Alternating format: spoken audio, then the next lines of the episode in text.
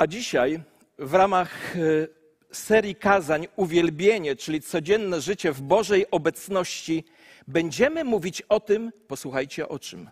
Będziemy mówić o tym, co nas odciąga od Bożej obecności. A zacznijmy od przypomnienia sobie, jak to wyglądało, kiedy Adam i Ewa byli w ogrodzie Eden. Posłuchajcie. Wtedy usłyszeli głos Pana, Boga chodzącego po ogrodzie, w powiewie dziennym. I Adam i jego żona ukryli się przed obliczem Pana Boga wśród drzew ogrodu. Adam i Ewa ukryli się przed Bożą obecnością. Niewątpliwie grzech jest tym, co odciąga nas od Bożej obecności. Ale nie tylko, o tym, nie tylko na tym chcę się dzisiaj skoncentrować, bo przecież każdy z nas popełnia jakieś błędy.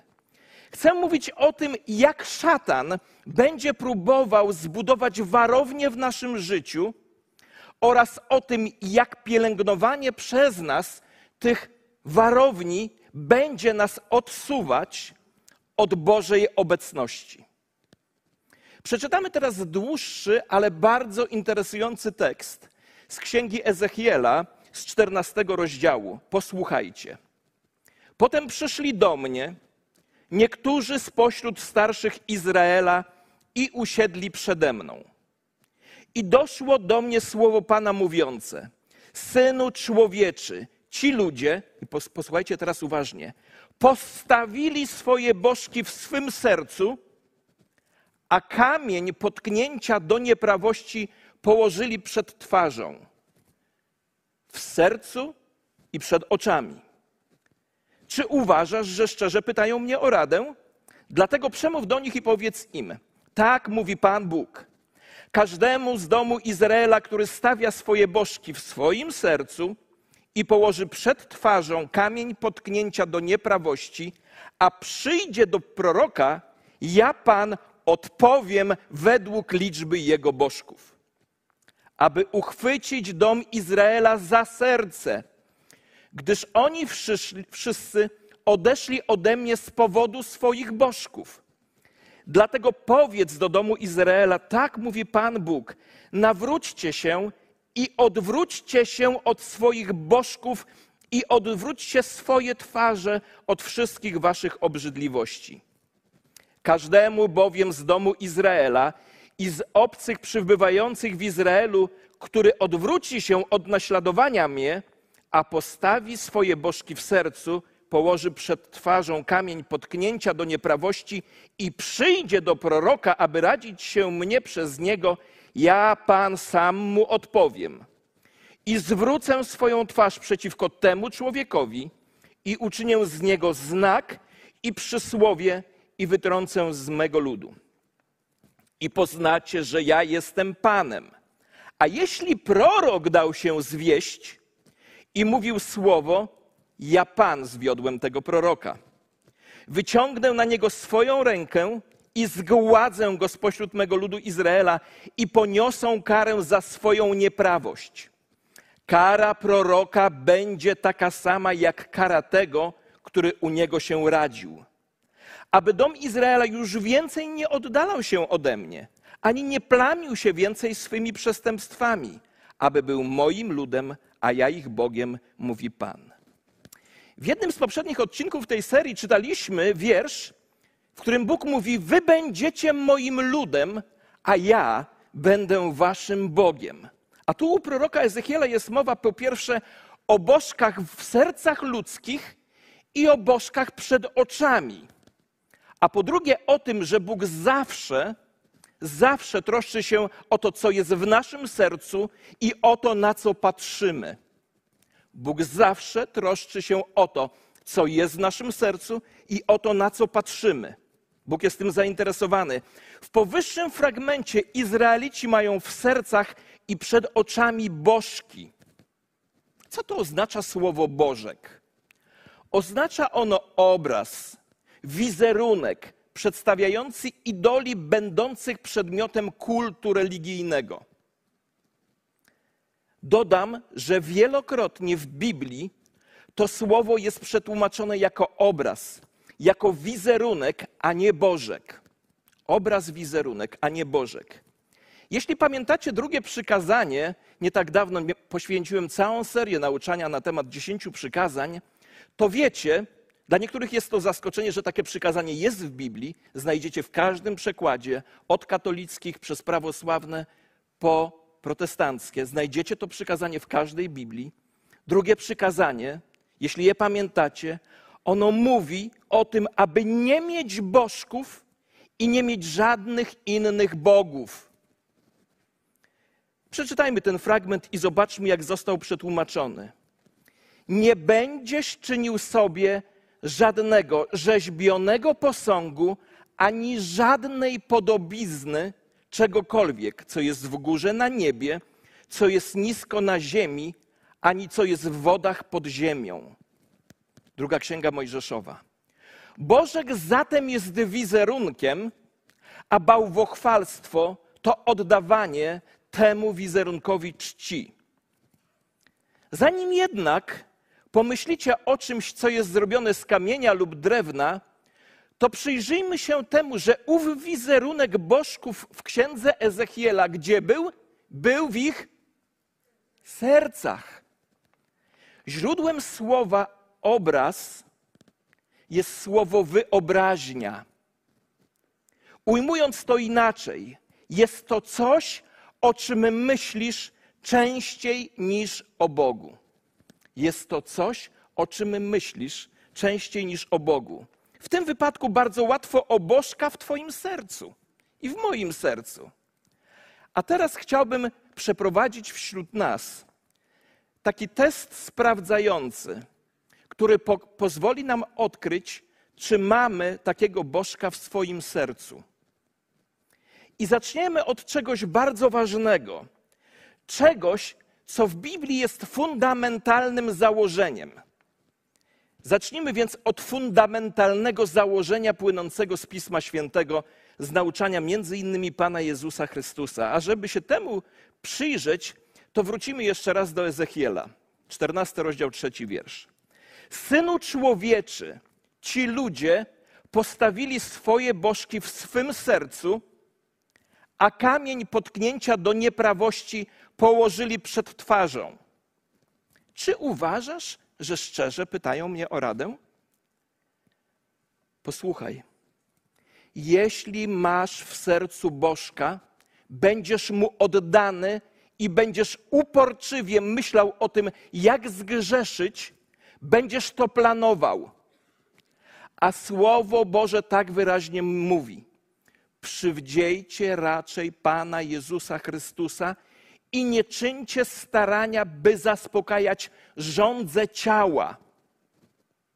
Nie czyńcie starań o ciało, o żądze ciała. A niestety wielokrotnie zabiegamy o nie.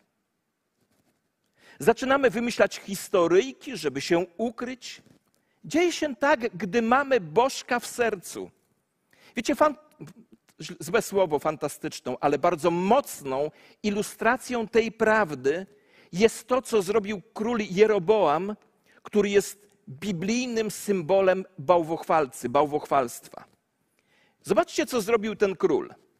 Tenże król zbudował replikę ołtarza świątyni w Jerozolimie, a zrobił to dlatego, że posłuchał niemądrych rad swoich przyjaciół, czego konsekwencją było to, że Królestwo Izraela podzieliło się na dziesięć plemion północnych i dwa plemiona południowe. Jeroboam stanął na czele dziesięciu zbuntowanych plemion północnych oraz rozbił jedność religijną Królestwa Izraela. I co zrobił? Posłuchajcie, to jest niezwykle ważne. On zbudował dwa ołtarze. Jeden zbudował na północy w miejscowości Dan, a drugi zbudował w innym miejscu w miejscowości Betel na południu. A obiektem kultu ustanowił złotego cielca, mówiąc, że ten złoty cielec wyprowadził Izrael z Egiptu. Odwołał się do historii. I wiecie, co jeszcze zrobił? zbudował replikę świątyni Salomona, ponieważ uznał, posłuchajcie, to jest niezwykle ważne, ponieważ uznał, że to zbyt ogromne obciążenie, aby podróżować do Jerozolimy trzy razy w roku. Zamiast tego umożliwił ludziom przybycie bliżej, do Dan lub Betel, gdzie znajdowały się świątynie wybudowane przez niego. I każdy, kto tam przybył, miał sposobność uczczenia innych bogów. Posłuchajcie uważnie. Dzisiaj to jest bardzo mocna lekcja. Jeroboam oprócz prawdziwego Boga Jahwe, JHWH, czcił również Boga Mamona, który wydawał się pomocny, kiedy ktoś potrzebował pieniędzy, kasy.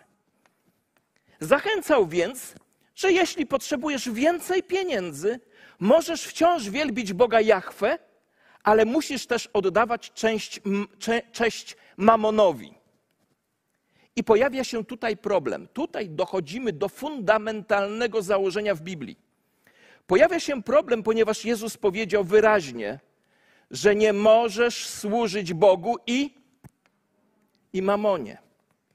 I niektóre, niektórzy twierdzą Bogu i mamonowi. Możecie zapytać, dlaczego? A ja to zobrazuję za pomocą prostej analogii. Bóg mówi do ciebie tak. Nie wszyscy się z tym zgadzają. Ja, ja rozumiem, że tak można. Bóg mówi tak: oddawaj do domu Bożego pierwsze 10% z tego, co masz, i zrób to w pierwszej kolejności. Pierwsze 10% w pierwszej kolejności, tam gdzie się karmisz. A mamon mówi: Nie, nie, nie dasz rady tego zrobić. Nie rób tego. Czujecie? Spójrzcie nie jesteś w stanie zrobić obu tych rzeczy, czyli być posłusznym Bogu i służyć innemu Bogu. Nie możesz, to jest niemożliwe. Albo zrobisz to, co mówi Bóg, albo zrobisz to, co sam uważasz za słuszne, lub to, co podpowiadają ci inne bóstwa. Proszę, zrozummy bardzo ważną kwestię, że nie zawsze to, co myślimy, jest dla nas najlepsze. W zasadzie to, co myślimy, nie jest dla nas najlepsze, tylko to, co myśli Bóg. Jeśli masz Bożka w sercu, nie możesz żyć w Bożej obecności. Nie możesz. Takie jest właśnie fundamentalne założenie. Nie da się zrobić dwóch rzeczy naraz. Albo żyjesz dla Boga, albo służysz Bożkowi. My nawet w Polsce mamy takie przysłowie. Panu Bogu świeczkę, a diabłu ogarek. Tak się nie da. Pierwszą rzeczą jest więc fundamentalne założenie, które uczy, że jeśli masz Bożka w swoim sercu, nie możesz żyć w Bożej obecności. Druga kwestia to odcięcie się, odseparowanie. Mówimy to w kontekście grzechu, bałwochwalstwa. Chcę bowiem, Bóg mówi w Ezechiela, by dom Izraela wyraźnie uświadomił sobie, że przez wszystkie swoje posążki odciął się ode mnie. Przez wszystkie swoje posążki odciął się ode mnie. I posłuchajcie tego, to jest bardzo mocne. W Starym Testamencie słowo odciąć się opisywało mężatkę, która odszedłszy od męża, zżyła z innym mężczyzną w związku cudzołożnym. Właśnie takie jest znaczenie tego słowa. Żyć z kimś innym w związku cudzołożnym. Pamiętajmy o tym, że to Jezus jest naszym oblubieńcem, naszym mężem. Jesteśmy poślubieni Bogu. W powyższym fragmencie czytamy, że Izrael odciął się od Boga, ponieważ żyje w związku cudzołożnym z innymi bogami czy z innym Bogiem. Są poślubieni Bogu, a sypiają z Bożkiem. Nikt z nas sobie czegoś takiego nie życzy w naszych małżeństwach. W czasach króla Jozjasza Pan powiedział do mnie, czytamy dalej, w księdze Jeremiasza. Czy zwróciłeś uwagę na to, co uczyniła odstępczyni Izrael? Udawała się na każdą wysoką górę i pod każde zielono, zielone drzewo i uprawiała nierząd. Odstępczyni Izrael uprawiała swój nierząd bez najmniejszych skrupułów. Zbezcześciła tę ziemię, cudzołożąc z kamieniem i z drewnem. I tu pojawia się pytanie, jak uprawiać nierząd z kamieniem i z drewnem? Otóż nie jest to wcale bardzo skomplikowana sprawa i nie jest to bardzo skomplikowana wersja seksu. Z kamienia budujesz ołtarz, a drewno spalasz przy składaniu ofiary na ołtarzu. To bardzo proste. Izraelici budowali ołtarze dla innych bogów i składali im ofiary, a Bóg nazywa to cudzołóstwem. I teraz kolejny fragment z Jeremiasza. Nawróćcie się, synowie odstępczy, mówi Pan, bo ja jestem waszym małżonkiem i przyjmę was po jednym z miasta i po dwóch z każdego rodu i zaprowadzę was na Syjon. Biblia w klarowny sposób wyjaśnia, że grzech jest cudzołóstwem. Grzech to porzucenie Boga i cudzołożenie, a następnie powrót do łóżka i spanie z Bogiem, jak gdyby nic się nie stało.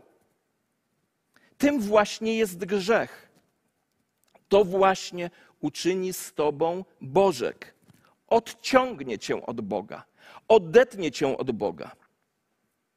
Pozwólcie, że powiem nam, bo i sobie też, coś o grzechu.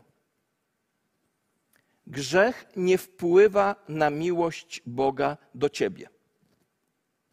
On wciąż będzie ciebie i mnie kochał.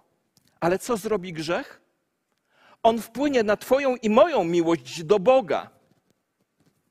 Bo Twoje serce i moje serce zacznie odwracać się do tej rzeczy, jeśli w swoim sercu mamy Bożka. Pierwsze więc fundamentalne założenie jest takie, że jeśli masz Bożka w swoim sercu, nie możesz żyć w Bożej obecności, bo nie można służyć Bogu i mamonowi. Druga kwestia to grzech prowadzi do odcięcia się, od odseparowania, czyli do duchowego cudzołóstwa. I po trzecie, następuje duchowa, jeśli masz Bożka w swoim sercu, następuje, przychodzi do ciebie duchowa głuchota Pomyślcie o tym. W Izraelu byli starsi, którzy udawali się do proroków, by dowiedzieć się to, co Bóg mówi. Dlaczego chodzili do proroków, aby dowiedzieć się to, co Bóg mówi? To proste. Wiecie, dlaczego chodzili? Bo sami nie słyszeli Boga. Bo sami nie byli w stanie usłyszeć Boga. A dlaczego go nie słyszeli? Bo mieli bożki w swoich sercach. Grzech wnosi izolację do naszej intymności z Bogiem. Czytamy w księdze Izajasza: To wasze winy są tym, co was oddziela od Boga, a wasze grzechy zasłaniają przed wami Jego oblicze, tak że nie słucha. I to, co próbuję Tobie i mnie przekazać przez tę serię kazań, to fakt że możesz żyć w stałej bliskości z Duchem Świętym, że możesz żyć w stałej bliskości z Bogiem, ale jeśli zgrzeszyłeś lub masz w sercu innego Boga, wtedy ściszasz głos Ducha Świętego i zwiększasz natężenie głosu Bożka. Duch Święty mówi: Nie idź tą drogą, ale ściszasz go i mówisz: Nie, nie, nie chcę tego słyszeć. Chcę słyszeć to, co się okaże zabawniejsze. Chcę tego, co przyniesie mi większą pomyślność i większy dostatek. Zaczynamy słuchać Bożka. Wiecie, kiedyś miałem rozmowę z pewną dziewczyną, przyszła do mnie, rozmawialiśmy o Bożych zasadach i ona do mnie mówi w pewnym momencie: Krzysztof, nie mów mi, co mówi Biblia. Ja to wiem. Powiedz mi to, czego ja chcę usłyszeć, co ja chcę usłyszeć zaczynamy słuchać Bożka. O tym wszystkim czytamy na kartach Biblii. O tym, że gdy zaczynamy odwracać się od Pana Boga, przestajemy Go słyszeć. Pierwszą rzeczą, która powoduje, że nie, nie słyszymy głosu Boga, jest nasz grzech. Co więcej, zaczynasz myśleć, że głos, który słyszysz, jest głosem Boga. Ale tak nie jest. Wiecie, ile ja miałem rozmów, pastorze, ale to się wszystko tak składało. To wszystko tak do nas przemawiało. To było od, od Pana Boga, bo wszystko się po, sprawdzało. Ale posłuchaj, właśnie zaczynasz, gdy jesteś w grzechu, to zaczynasz myśleć, że głos, który słyszysz, jest głosem Boga, ale tak nie jest. To Bożek mówi do ciebie. A w zasadzie to siły demoniczne, które kryją się za tym Bożkiem, do ciebie mówią. Wiecie, zdarzyło mi się kiedyś słyszeć kogoś, i wiem, że to jest doświadczenie nie, nie tylko moje, ale innych pastorów Zdarzyło mi się słyszeć kogoś, kto miał romans i mówił tak, że jak modli się i czyta Biblię z tą osobą, z którą ma romans, to tak Bóg pięknie do nich mówi. Tak Bóg ich pięknie dotyka, że w zasadzie to teraz dopiero słyszą Boży głos. Ale to nieprawda. Ta osoba jest oszukiwana. To nie jest Boży głos. Mówił do niego duch, ale nie duch Boży nie Duch Święty. Pierwsze fundamentalne założenie to to, że jeśli masz Bożka w sercu, nie możesz żyć w Bożej obecności. Druga kwestia to odcięcie, odseparowanie się, czyli duchowe cudzołóstwo. A trzecia, grzech wnosi izolację do naszej intymności z Bogiem. I czwarta, ostatnia rzecz. To są konsekwencje. Wiecie, z grzechem, jak kiedyś powiedziałem, to jest jak skoczeniem do wody, do, do ciepłej wody wskakujemy i mówimy, jak przyjemnie. Z życiem duchowym jest tak, że często wskakujemy do zimnej wody i mówimy, bry jak zimno, a potem jest dopiero przyjemnie. Ale z grzechem jest odwrotnie. Grzech najpierw daje przyjemność, a potem są konsekwencje. Posłuchajcie. I poniosą karę za swoją nieprawość. Kara proroka będzie taka sama, jak kara tego, który u niego się radził. I teraz posłuchajcie uważnie, bo ciekawym jest tutaj to, że słowo kara jest dokładnie wyrażone tym, tym samym słowem, co nieprawość, co niegodziwość. To samo słowo, które y, y, to samo słowo niegodziwość czy nieprawość jest tym samym słowem, co tutaj jest przetłumaczone jako kara czytamy tu, będą musieli znosić nieprawość. Co można zrozumieć tak? Będą musieli znosić swoją karę. W ten sam sposób kara proroka może być czytana jako nieprawość proroka. Kara proroka będzie taka sama, jak nieprawość tego, który się u niego radził. Dlaczego Bóg tak mówi? Bo kiedy ktoś żyje w grzechu, i idzie poradę do proroka, a ten nie nazwie grzechu grzechem, oznacza to, że również prorok ma tego samego bożka w swoim sercu. Ponieważ Bóg jest sprawiedliwy, to jeśli prorok nie zajmie zdecydowanego stanowiska wobec grzechu, poniesie takie same konsekwencje. Jeśli prorok nie ostrzeże, a może powiem tak, jeśli prorok najpierw nie dostrzeże tego grzechu, to oznacza, że ma tego samego Bożka w swoim sercu, poniesie wtedy tę samą karę. Wspomniałem, że kara i nieprawość określona jest tym samym słowem, a dosłownie oznacza konsekwencje grzechu. Kara za grzech.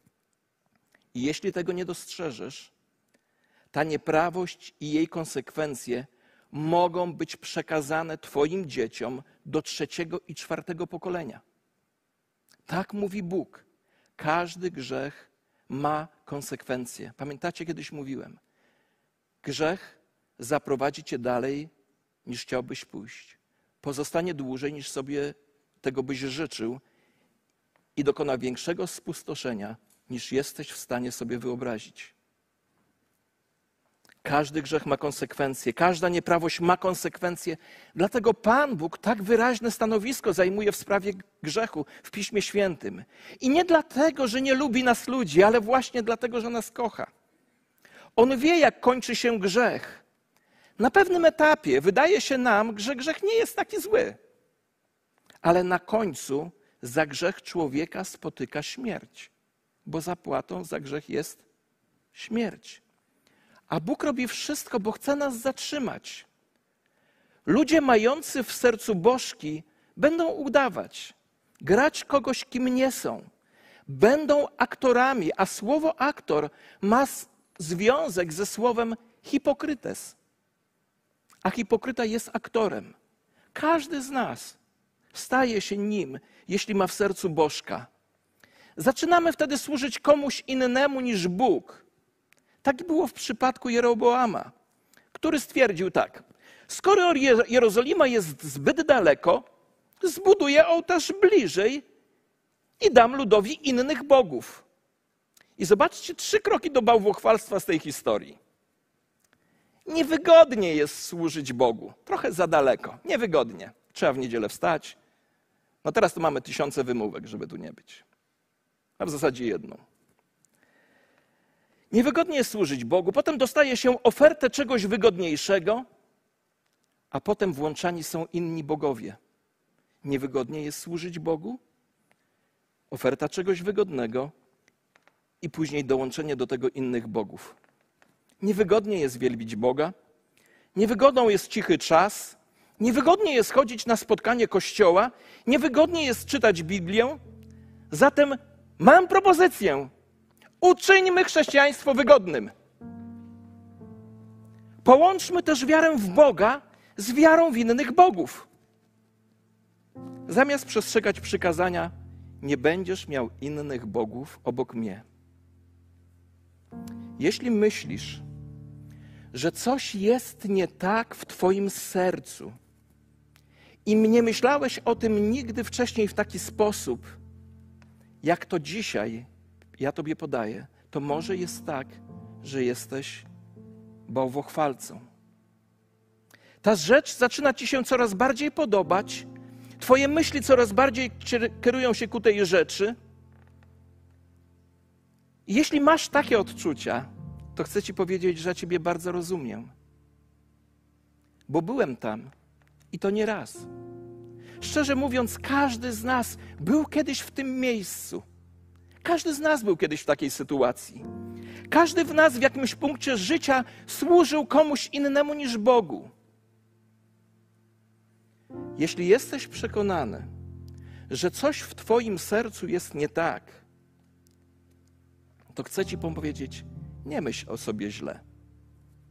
Nie czuj się źle i nie myśl, jestem złą osobą. Oczywiście szatan chce, żebyś tak o sobie myślał, żebym ja tak o sobie myślał. Jednak pamiętaj, że zostałeś odkupiony, ale jesteś wciąż na wojnie i żyjesz na upadłej ziemi. Szatan zaś robi wszystko, abyś przekierował swoją uwagę z Boga na bożki, na inne rzeczy w Twoim życiu. I to naprawdę nie jest skomplikowane. To jest naprawdę bardzo proste. Wiecie, często kiedy patrzymy na Stary Testament, to wydaje nam się, że on jest pełen legalizmu.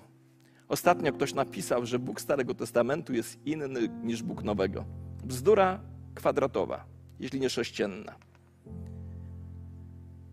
Wydaje nam się, że Stary Testament, nie lubię tego podziału na Stary i Nowy, już o tym mówiłem, że ta część Biblii jest taka bardzo legalistyczna. I wtedy się zastanawiamy, a gdzie jest łaska w Starym Testamencie? I chcę Wam powiedzieć, że ona jest nawet w tym fragmencie księgi Ezechiela, który czytałem dzisiaj na początek. Posłuchajcie, co mówi Bóg. Aby uchwycić dom Izraela za serce.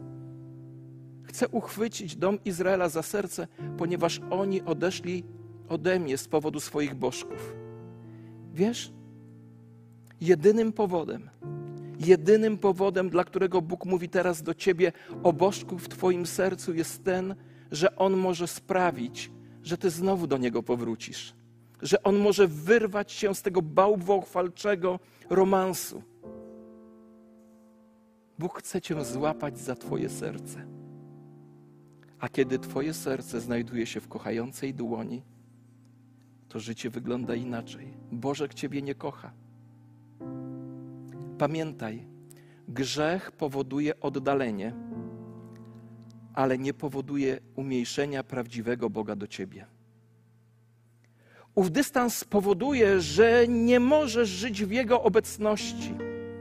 Nie możesz żyć w Jego obecności, jeśli w Twoim sercu jest Bożek. Wiecie, jak zatytułowałem to kazanie? Zatytułowałem Boży Plan. A to dlatego, że Boży plan dla mnie i dla Ciebie jest dobry, nie jest zły. Moje myśli o Was to myśli o pokoju, natknąć Was nadzieją, mówi Bóg. Jego myśli o Tobie i o mnie są dobre. On nie jest zły. Jego myśli o Tobie są dobre.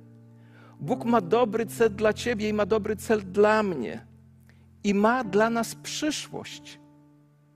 To jest Jego plan.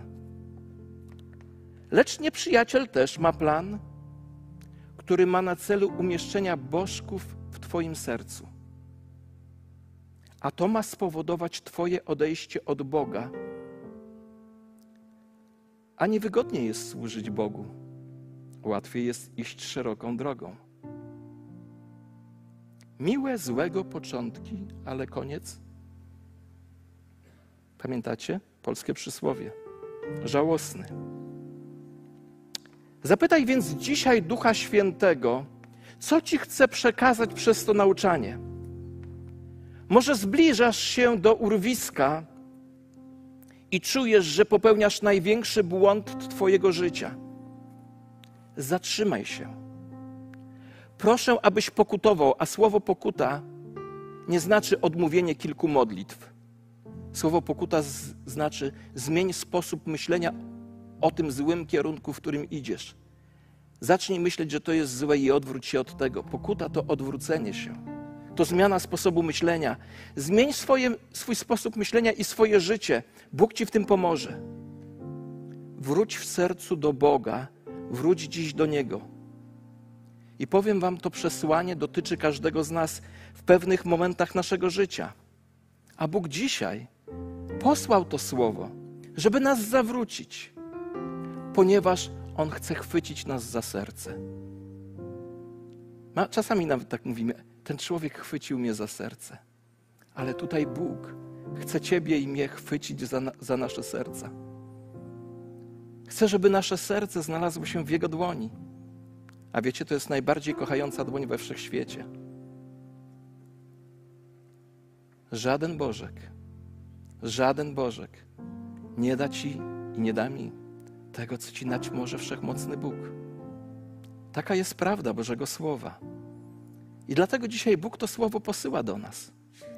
Ponieważ chce nam powiedzieć: zatrzymaj się. Zmień swój sposób myślenia.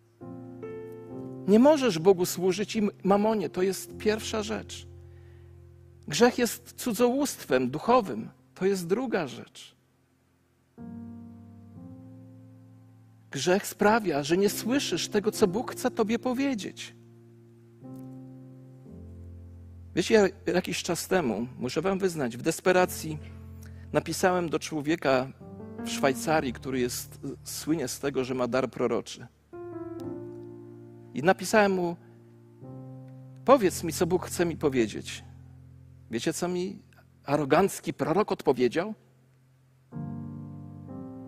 Bóg zesłał Ducha Świętego, dlatego że chce mówić bezpośrednio do ciebie, więc się sam pomógł o to, żeby do ciebie powiedział.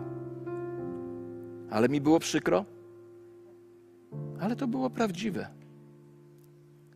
Nie słyszałem Boga, bo jeśli trwasz w grzechu, nie, nie usłyszysz Boga. I czwarta rzecz to konsekwencje. Miłe złego początki, koniec żałosny. Dlatego dzisiaj Bóg mówi do nas: zatrzymaj się. Chcę Cię wziąć za Twoje serce. Wróć do mnie.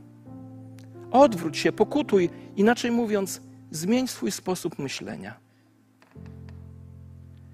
Wiecie, Bóg powiedział tak: Zwróćcie się do mnie, a ja was uleczę. Słyszycie? Zwróćcie się do mnie, a ja was uleczę. Pochylmy nasze głowy w modlitwie. Jeśli to słowo dzisiejsze jest do ciebie i wiesz o tym, daj znać przez podniesienie ręki. Tak, Bóg mówił dzisiaj do mnie. Dziękuję bardzo. Bóg mówił też dzisiaj do mnie w tym słowie. Panie Boże, chcę Cię prosić o tych z nas, którzy stoimy nad brzegiem urwiska. Panie, Ty chcesz, pragniesz dla nas, byśmy żyli stale w Twojej obecności. Dlatego proszę Cię, abyśmy poważnie wzięli to słowo do serca i żeby teraz Duch Twój Święty wzmocnił nasze dobre decyzje powrotu do Ciebie, usunięcia bożków, byśmy mogli, Panie, na nowo znaleźć się w Twojej obecności i tę cenną Twoją obecność przeżywać każdego dnia. Amen. Powstańmy, proszę, i niech ta pieśń, którą będziemy śpiewać, będzie naszym pragnieniem, modlitwą i wyznaniem.